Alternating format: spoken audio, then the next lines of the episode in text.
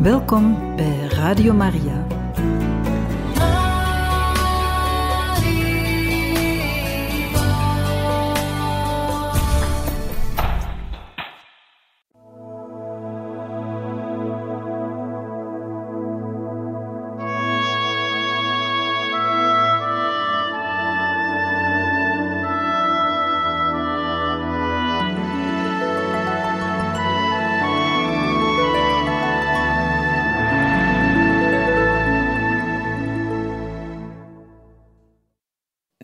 Luisteraars van Radio Maria, in dit programma Heilige Getuigen gaan we verder met de lezing van het boek over Johannes van het Kruis, met de titel Geboren uit Gods adem, geschreven door Crisogono de Jesus.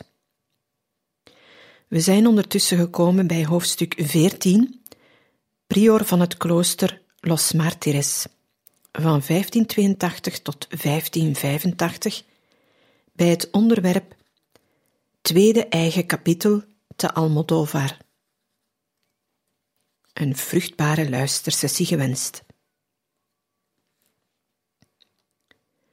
Op 1 mei 1583 wordt in Almodovar het kapitel van de ongeschoeide gehouden. Het is het tweede eigen kapitel van de hervormde, het eerste sinds de scheiding een feit werd op het kapitel van Alcalá de Henares. Het werd bijeengeroepen door de provinciaal Geronimo de la Madre de Dios. Er nemen 26 capitulanten aan deel, onder wie ook Pater Johannes van het Kruis als prior van Granada. De eerste kapitelact, voordat wordt overgegaan tot de verkiezing van de definitors, is de correctie van de priors, zoals de constituties voorschrijven. Pater Provinciaal vestigt de aandacht van Johannes van het Kruis op het feit dat men hem verwijt dat hij te weinig op bezoek gaat bij mensen in de wereld. Hij wijst hem erop dat dergelijke bezoeken zeer nuttig zijn om grotere aalmoezen te krijgen voor het klooster. De vicaris provinciaal Diego de la Trinidad had bij een recent bezoek aan Granada dezelfde opmerking tegen hem gemaakt. Pater Johannes van het Kruis knielt neer en hoort de berisping nederig aan. Na afloop ervan vraagt hij toestemming tot spreken en zegt: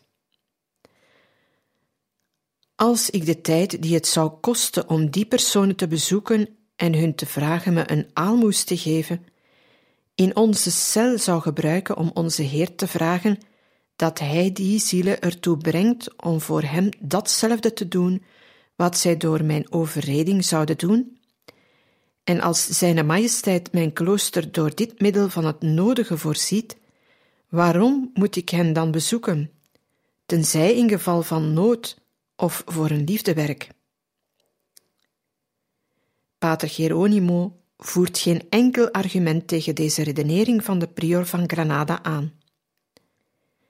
Ook de capitulanten stemmen ermee in en geven hem gelijk. Het kapitel onderzoekt de vraag of het juist zou zijn een wijziging te brengen in wat op het eerste kapitel van Alcalá besloten is over de verkiezing van de plaatselijke overste. Men had het aan de keus van de kloosters overgelaten. Elke communiteit koos haar eigen prior. Men besluit nu dat de priors op het kapitel gekozen zullen worden, net als de provinciaal en de definitors. Pater Johannes van het Kruis maakt van deze gelegenheid gebruik om de niet-herkiesbaarheid voor te stellen. Hij staat op en zet met levendige en energieke redenen voor de capitulanten uiteen hoe passend het is dat de aftredende overste zonder enig ambt blijven, waarbij hij de inconveniënten van de herverkiezingen in de orde beklemtoont. Hij zou dan zelf de eerste zijn die door die schikking getroffen wordt, indien het kapitel zijn voorstel aanneemt. Het schijnt dat de capitulanten onder de indruk waren van de toespraak van de prior van Granada. Allen begrijpen de reden die hem doet spreken. Maar of hij ze nu al dan niet overtuigd heeft, het voorstel wordt verworpen en de regel blijft herverkiesbaarheid toestaan. De hervorming missioneert in Gracian en in Doria. De provinciaal zet een ander probleem uiteen. Een probleem dat hem met zijn tendens tot apostolaat zeer ter harte gaat, namelijk of men zich dient te lanceren in de missies door het stichten van kloosters, zowel in andere beschaafde landen als in ongelovige. Het is niet de eerste maal dat dit onderwerp wordt aangesneden. Er waren al enkele pogingen tot verwezenlijking gedaan. Een jaar geleden, op 5 april 1582, waren de eerste vijf missionarissen van de hervorming uit Lissabon vertrokken, op een klein schip, de San Antonio. Het had het anker gelicht in Lissabon, in aanwezigheid van Philips II, die persoonlijk opdracht tot vertrek had gegeven. Een ongelukkig voorval, een aanvaring namelijk met een ander schip, had de San Antonio in de grond geboord en de vijf missionarissen waren omgekomen bij de schipbreuk. Pater Gracian vraagt nu of deze poging herhaald dient te worden. Johannes van het Kruis maakt bezwaren. Hij wil de voortreffelijkheid van het missiewerk niet ontkennen, maar hij vindt dat de stichting van kloosters in landen die niet voorbereid zijn op het ongeschoeide karmelietenleven, dat overwegend contemplatief is, op den duur de geest van de orde verminkt. Op dit punt zegeviert de mening van de hervormer al evenmin. Het kapitel decreteert de oprichting van huizen in andere landen en zelfs bij de ongelovigen. Pater Doria vertrekt naar Italië om in Genua een klooster van ongeschoeide te stichten. Tegelijkertijd worden voorbereidselen getroffen voor een nieuwe expeditie naar Congo. Die vertrekt nog in datzelfde jaar 1583, doch bereikt evenmin haar doel. De missionarissen worden bij de Kaapverdische eilanden gevangen genomen door Engelse zeerovers en de expeditie keert na pijnlijke omzwervingen in Spanje terug. Op datzelfde kapitel breekt met volle kracht de tegenstelling tussen Pater Gracian en Pater Doria uit. Deze laatste is uit Italië gekomen en woont de vergadering te Almodovar bij. Hij beschuldigt Gracian ervan zich buitensporig aan de prediking over te geven, en dit ten koste van de reguliere observantie. Met zijn aanvallen op de provinciaal gaat Pater Doria zo ver dat hij een poging tot afzetting uitlokt. De definitors hellen ertoe over, maar Pater Doria zelf geeft het advies die beslissing niet te nemen en zich te vergenoegen met de dreiging die Pater Gracian zal nopen zich te matigen in zijn buitensporig actief leven. Welke houding nam Pater Johannes van het Kruis in deze zaak aan?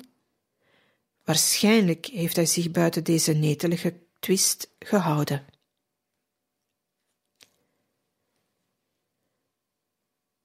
Een bestuur waar allen heimwee naar hebben.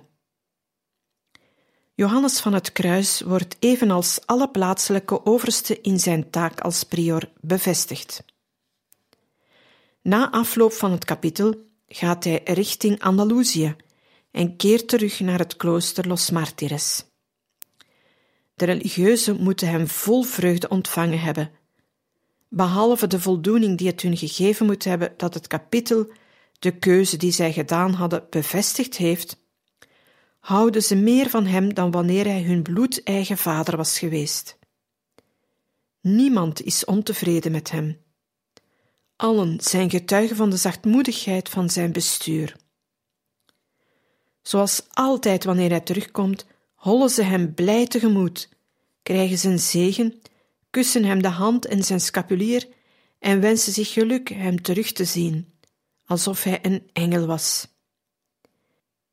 Een van de kloosterlingen, pater Martin de San José, zegt dat ze hem één voor één gaan opzoeken, met hetzelfde vuur en dezelfde vreugde, alsof er een jubileum aflaat te verdienen viel. En de heilige prior ontvangt hen hartelijk, waarbij hij hun vriendelijke dingen zegt. We onderbreken hier even voor wat muziek.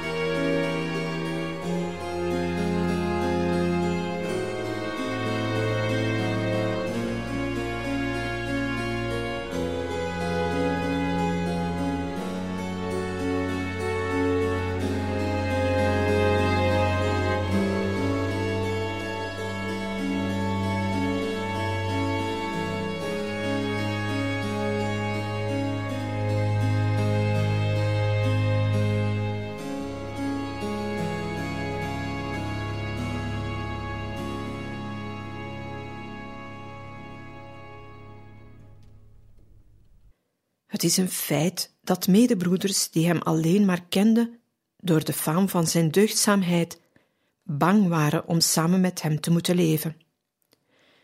Ze beven wanneer men hen voor zijn klooster bestemt. Ze denken daar namelijk een onverbiddelijke overste te ontmoeten, die hen met zweepslagen de weg van de strengste observantie zal opjagen. Maar ze hoeven slechts een paar dagen aan zijn zijde te leven om van mening te veranderen. En al gauw verzekeren ze dat zij, om van zijn bestuur te kunnen genieten, hem overal zullen volgen waar hij maar heen gaat. Een kloosterling zal de provinciaal vragen en toegestaan krijgen dat hij altijd bij hem mag zijn. Dat is pater Juan Evangelista. Een jaar of dertig na de dood van pater Johannes van het Kruis trekt pater Alonso de la Madre de Dios de provincies van Andalusië door. Hij ziet dan hoe levendig de herinnering nog is aan het vaderlijk bestuur van de heilige. Een bestuur waar allen heimwee naar hebben en dat ze zegenen. Hoofdstuk 15 Geestelijk leidsman te Granada van 1582 tot 1588.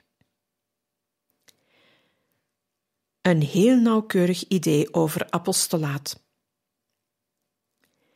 Tijdens zijn verblijf in Granada schrijft Johannes van het Kruis in zijn geestelijk hooglied. Nu valt op te merken dat de ziel, in zover zij niet tot deze toestand van vereniging in liefde geraakt, zowel in het actieve als in het contemplatieve leven zich op de liefde moet toeleggen. Maar als zij reeds tot deze toestand is geraakt, past het haar niet zich in te laten met andere bezigheden en uiterlijke praktijken die een beletsel kunnen vormen. Al is het nog zo klein voor dit aanwezig zijn in Gods liefde. En dit ook al zouden die bezigheden een grote dienst aan God betekenen, want in het oog van God en van de ziel is een klein beetje van deze zuivere liefde kostbaarder en van meer voordeel voor de kerk dan al die andere werken tezamen, al heeft het ook de schijn dat de ziel niets doet. Wanneer dus een of andere ziel iets zou hebben van deze mate van eenzame liefde, dan zou men haar en de kerk groot onrecht aandoen wanneer men haar, al was het maar voor korte tijd, zou willen belasten met uiterlijke zaken of bezigheden, ook al waren die nog zo belangrijk. Uiteindelijk werden wij voor deze liefde geschapen. De zeer actieve dus, die met hun preken en uiterlijke bezigheden de wereld denken te omvademen, dienen hier eraan te denken dat zij de kerk tot veel meer nut zouden strekken en God veel meer zouden behagen, om nog te zwijgen van het goede voorbeeld dat zij zouden geven, als zij misschien eens de helft van die tijd besteden aan het verkeer met God in gebed. Ook al zouden zij nog niet tot zo'n verheven gebed gekomen zijn als hiervoor bedoeld. Zonder twijfel zouden zij dan door één werk met minder moeite meer tot stand brengen dan anders met duizend, omdat hun gebed het werk dan verdienstelijk zou maken en zij zelf er geestelijke krachten uit zouden putten. Als zij op een of andere manier te werk gaan, betekent dit hard hameren en een beetje meer dan niets tot stand brengen, en soms helemaal niets en soms zelfs nadeel. Johannes van het Kruis heeft dus een heel nauwkeurig idee over het apostolaat. Vooral verwaart hij dit in de verste verte niet met een simpel regelmatig bezoeken van mensen in de wereld, zelfs niet om aan eventuele maatschappelijke verplichtingen te voldoen. Laat staan om sympathie of aalmoezen voor zijn klooster te winnen. Dat lijkt hem zowel de roeping van de kloosterling als de rol van de weldoener omlaag te halen. Hij handhaaft dit criterium. Een keer gaat hij in gezelschap van Juan Evangelista van Granada naar zijn klooster Los Martires. In de Gomelesstraat ontmoet hij een belangrijk persoon. Het klooster heeft zorgen. Men is aan het uitbreiden en er zijn schulden. Johannes van het Kruis spreekt erover met de edelman uit Granada. Deze geeft hem de raad bepaalde heren van het gerecht te gaan bezoeken, want die zouden hem beslist helpen met hun aalmoezen. Doch Johannes van het Kruis antwoordt daarop: Als ze ons die aalmoezen slechts geven omdat ik bij hen op bezoek ben geweest, dan is hun doel en motief niet heel verheven. Maar als ze het voor God willen doen, zal Hij zelf hun harten wel bewegen om het te doen waarop de twee ongeschoeiden hun weg vervolgen.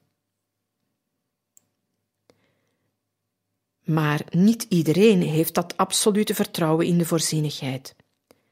Er zijn, zelfs onder zijn eigen medebroeders in het klooster, mensen die kritiek hebben op dat op afstand blijven en er een gebrek aan hoffelijkheid in zien.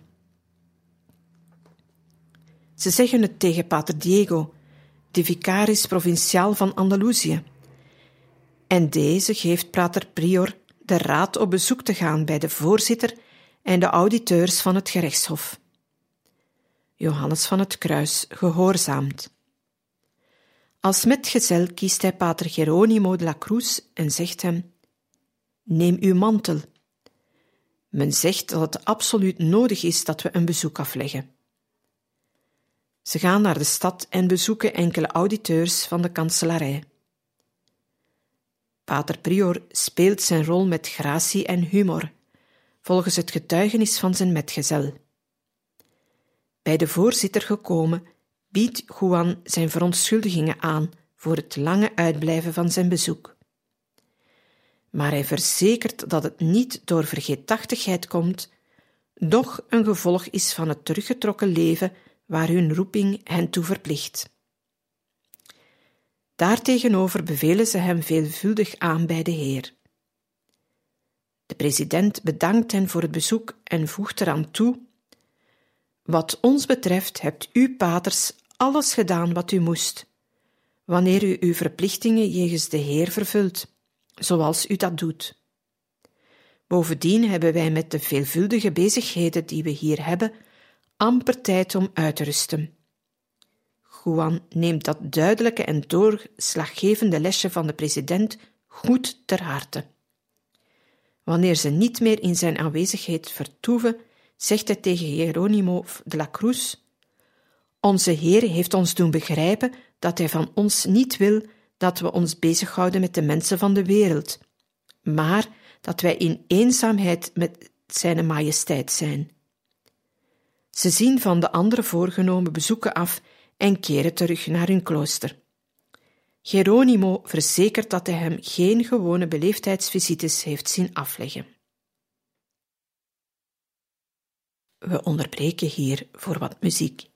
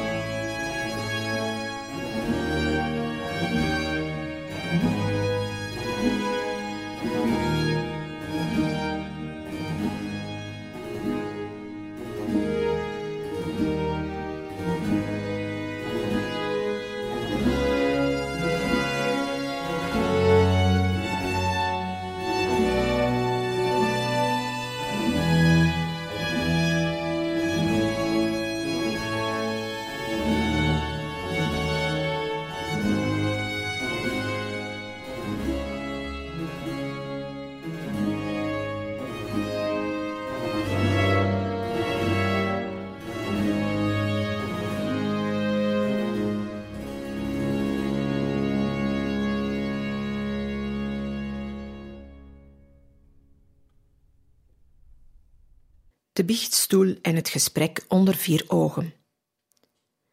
Dat wil niet zeggen dat Pater Juan zijn apostolaat verwaarloost. Niemand heeft zo sterk als hij gewezen op de voorwaarden en gevaren van de prediking. Veel eer dan op de preekstoel bevordert hij de groei van de mensen via de geestelijke leiding. Het ontbreekt hem niet aan welsprekendheid. Zijn tijdgenoten steken de loftrompet over de wonderlijke conversaties, waarnaar zijn toehoorders nooit moe werden te luisteren. Zo verrukt waren ze. Maar hij geeft de voorkeur aan het bescheiden apostolaat, namelijk van de individuele aanpak langs persoonlijke aansporingen en in het verborgen werk van de biechtstoel. Evenals in Baeza en daarvoor al in Avila, zijn er ook in Granada zeer vele die zich onder zijn onvergelijkelijke leiding plaatsen. Hij maakt geen onderscheid. Hij houdt zich zelfs op dezelfde manier met magisters bezig als met arme en weinig ontwikkelde mensen. Bij hen, die in die tijd zijn leiding zoeken, vinden we naast magister Juan Sanchez Minaro provenier van de parochiekerk San Bartolomé en afstammeling van de conquistadores in Granada, de molenaarsvrouw Potenciana, Isabel de Jesus, eveneens molenaarsvrouw, en nog andere arme mensen. Zijn leiding is energiek. Het is een toepassing van zijn strenge zelfverloocheningsleer, die sterke geesten voortbrengt. Het doet er weinig toe of het daarbij om iemand uit een adellijk geslacht gaat, zoals Dona Ana de Peñalosa. De heilige leidsman leert daar onverbiddelijk totale onthechting. Een religieuze die op zoek is om Pater Juan te spreken, ziet toevallig dit tafereeltje. Ze ziet de pater zitten met aan zijn voeten Dona Ana de Peñalosa, huilend als een Maria Magdalena terwijl Juan met de ogen ten hemel geslagen deze woorden herhaalt. Niets, niets, zelfs zijn huid en de rest veil hebben voor Christus.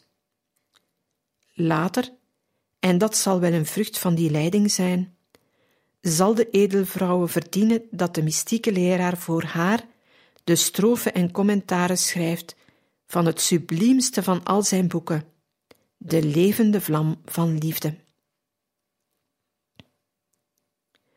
Een andere bichtelinge van hem is Juana de Pedraza, een meisje van 25 jaar. Ze is afkomstig uit Baïza en zal een van de vrouwen blijken die de prior van Los Martires het liefste ziet. Hij noemt haar graag mijn dochter in de Heer. En hij neemt haar ook beslist als een vader in vertrouwen met allerlei attenties. Een keer neemt het meisje na gebiecht te hebben afscheid van hem, met de bedoeling direct terug te gaan naar Granada, waarvoor zij de heuvel van Los Martires af moest. Maar Juan brengt haar op andere gedachten. Ze moet wachten, en hij zegt haar hoe laat ze zal kunnen vertrekken. Nauwelijks heeft Juana de Pedraza de biechtstoel verlaten, of er barst een verschrikkelijk onweer los. Het gaat razend keer boven de heuvel van het Alhambra en blijft voortduren tot aan het tijdstip waarop de heilige biechtvader haar gezegd had te wachten. De jonge Pedraza vertelt het daarna aan pater Agustin de San José, een medebroeder uit Granada. Ze zag er een profetie van de heilige prior in. Bij een andere gelegenheid komt, terwijl ze aan het bichten is, de econoom van het klooster aan pater Juan zeggen dat hij niets heeft om eten voor de religieuze te kopen. Zoals gewoonlijk zegt de prior hem dat God erin zal voorzien. Kort daarna komt de econoom nog eens terug en dringt erop aan te mogen vertrekken om levensmiddelen te gaan zoeken. Juan weigert opnieuw. Juana de Petraza heeft de biechtstoel nog niet verlaten of de econoom komt een derde maal terug. Maar de prior blijft bij zijn weigering. Wanneer de econoom zich heeft teruggetrokken, zegt de biechtvader aan zijn biechtelingen dat hij zijn toestemming tot driemaal toe geweigerd heeft, omdat er iemand onderweg is om een aalmoes voor de religieuze te brengen. En zo is het ook. Als zij de kerk uitgaat, ontmoet het jonge meisje een vrouw die vier ducaten voor het klooster kon brengen.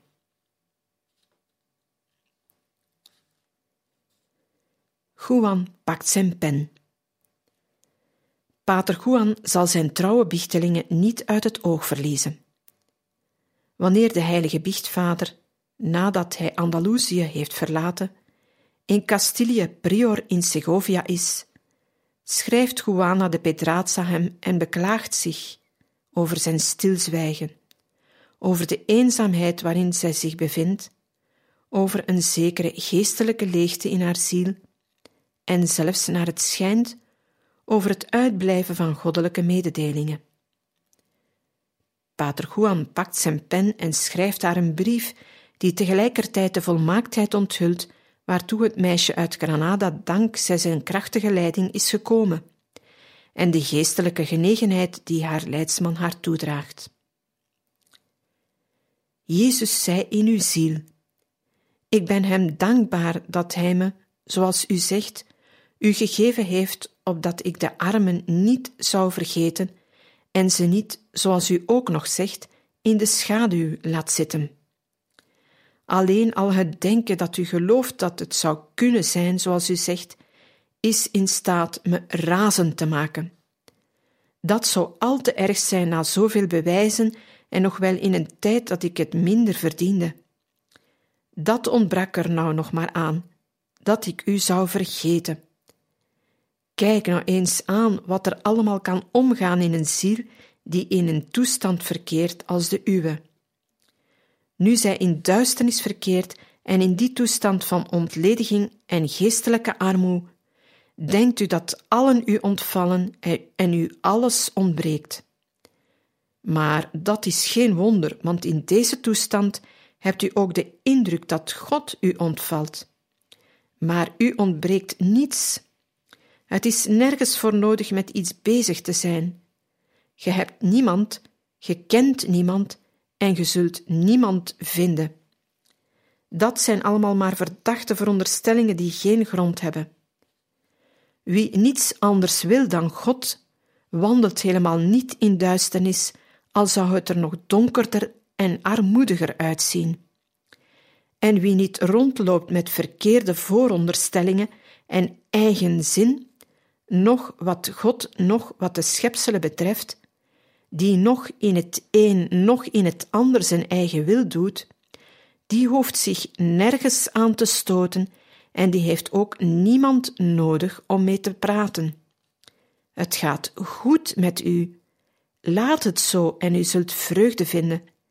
Wie bent u eigenlijk dat u zorg zou hebben over uzelf? U zou het er wel mooi van afbrengen. U bent nooit beter geweest dan op het ogenblik. Nooit bent u immers zo neder geweest en zo onderworpen. Nooit hebt u zo'n geringe dunk van uzelf en dat van de dingen van de wereld gehad. Nooit hebt u uzelf als zo slecht gekend en God als zo goed. Nooit hebt u God zo zuiver en zo belangeloos gediend als op het ogenblik. Nooit was u zo weinig bezig met de onvolmaaktheden van uw wil en van uw hele persoon, zoals u dat vroeger misschien wel gewoon was. Wat wilt u dan? Wat voor een soort leven of handelwijze stelt u zich wel voor in dit bestaan? Wat denkt u dat God dienen anders is dan geen verkeerde dingen doen, de geboden onderhouden en verkeren in zijn aangelegenheden zoals wij kunnen? Dat doet ge toch? Wat zou je dan nog andere waarnemingen nodig hebben? Of ander licht, of wat zoetigheid hier en daar? Overigens zijn die altijd vol van voetangels en klemmen. Bovendien gevaren voor de ziel, die zich met die mededelingen en vol verlangens gauw vergist en misrekent. En ook haar eigen vermogens brengen haar op een dwaalspoor. Het is dus een grote gunst van God als Hij die vermogens in duisternis doet verkeren. Als Hij de ziel zo arm maakt dat ze door haar vermogens niet op een dwaalspoor kan worden gebracht. Zij dwaalt dus niet, uw ziel. Wat blijft er dan nog verder te verlangen dan maar voort te gaan op die gewone weg van Gods wet en die van de kerk? Alleen maar leven in donker en waarachtig geloof, in onwankelbare hoop en integere liefde. Daar moeten we ons goed van verwachten, terwijl we maar verder leven als pelgrims, armen, ballingen, wezen, als mensen in dorheid, zonder weg of iets, die alles van ginds verhopen. Wees blij en vertrouw op God. Hij heeft u toch duidelijk genoeg laten zien dat je dit goed kunt doen. Dus moet je het ook doen. Als je dat niet doet, zou het niet zo vreemd zijn dat God onenigheid met u krijgt, wanneer Hij u zo kinderachtig ziet doen. Hij heeft u toch gebracht waar het het beste voor u is en op zo'n veilige plaats. U wil niets anders dan deze weg en breng uw ziel tot rust. Het gaat er toch goed mee. Ga maar te communie zoals u gewoon bent. Wat het biechten betreft, doe dat als er iets zeer duidelijks te biechten is. Ge hoeft daar niet over te praten. Als u iets heeft, schrijf het dan aan mij en schrijf me vlug en vaker. U kunt dat doen via Donja Anna, als dit niet mogelijk is via de zusters. Ik ben een beetje ziek geweest. Ik ben nu weer beter maar frater Juan Evangelista is ziek. Beveel hem bij God aan en mij ook, mijn dochter in de Heer. Segovia, 12 oktober 1589, frater Johannes van het Kruis. We onderbreken hier voor wat muziek.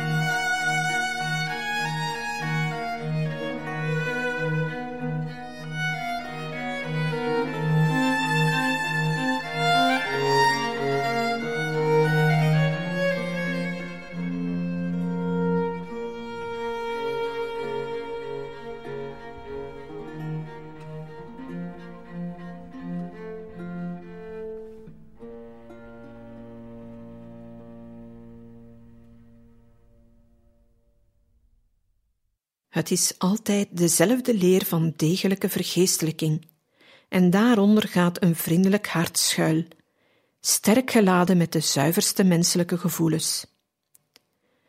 Juana de Pedraza zal tenslotte het habit aantrekken en in haar eigen huis een leven van moniala leiden tot ze tachtig jaar is.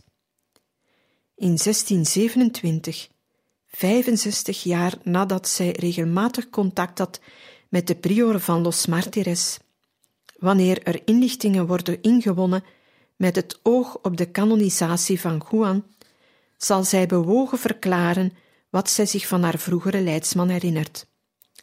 Met liefde en verering bewaart zij een portretje dat ze aan de rechters van het tribunaal laat zien.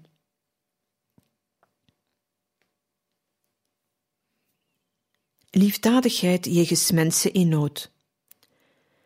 Johannes van het Kruis bepaalt zich niet alleen tot het geestelijk goed van zijn vertrouwelingen. Hij is er ook om bekommerd hen te helpen in materiële zaken. Van de armoede van het klooster weet hij nog aalmoezen voor hen af te nemen.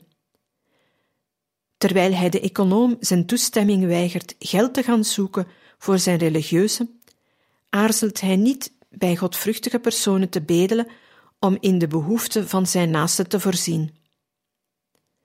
Magister Núñez, een geestelijke die bij de prior van Los Martires kon biechten, komt eens in een oude en versleten soutane naar het klooster. Juan merkt het en vraagt zijn weldoeners wat geld om een nieuwe voor hem te kopen. Wanneer hij het in handen heeft, laat hij de priester roepen om ze hem ter hand te stellen. Maar deze weigert het. Denk niet, zo zegt hij tegen de prior, dat als ik zo rondloop, dit uit nood is die ik zou hebben, maar omdat ik echt God wil volgen. Juan begrijpt heel de betekenis van deze woorden. Hij zal die les in nederigheid en echte armoede nooit vergeten. Bij gelegenheid herinnert hij zijn kloosterlingen eraan als een stimulerend voorbeeld. Daar het klooster ver van de stad ligt, gebeurt het soms dat de prior enkele van zijn bichtelingen vraagt om te blijven eten. Dat doet hij bijvoorbeeld met magister Juan Sanchez Minaro, dezelfde die pater Juan een keer hoorde zeggen dat hij veel meer naar het lijden verlangde dat de martelaren hadden ondergaan voor de verdediging van het geloof, dan naar de glorie die zij als beloning daarvoor hadden gekregen. De dag dat magister Minaro de maaltijd met de kloosterlingen deelde, aten ze grauwe erwten en gestoofde netels. Juan nodigt ook verscheidene keren de schilder Francisco Ruiz uit, die hij een tabernakel voor het klooster had laten vergulden.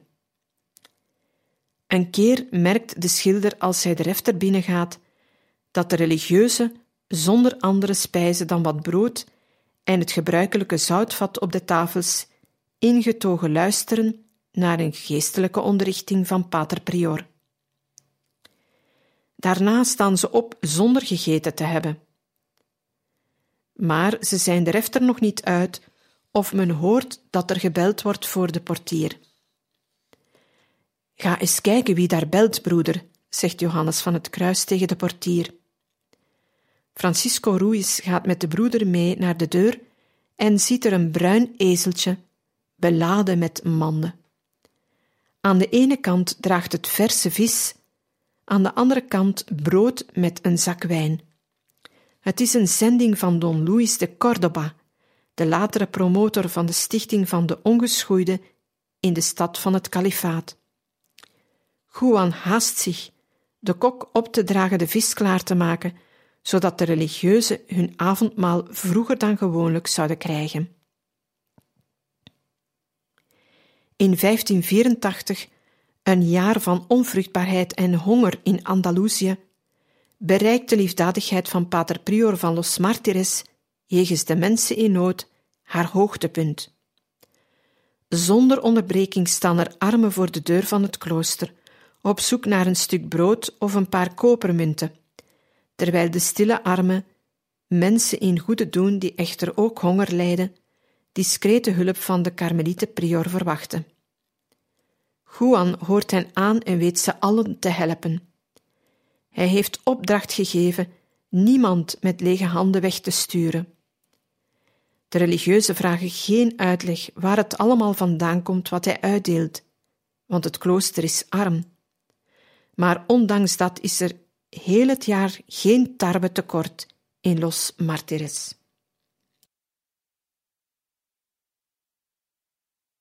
Beste luisteraars, we zijn voor vandaag weer aan het einde gekomen van deze lezing uit het boek over Johannes van het Kruis. En we gaan volgende keer verder met hoofdstuk 15, Geestelijk Leidsman te Granada, bij het onderwerp Bouwheer. We hopen dat u ervan genoten hebt en graag tot wederhoren.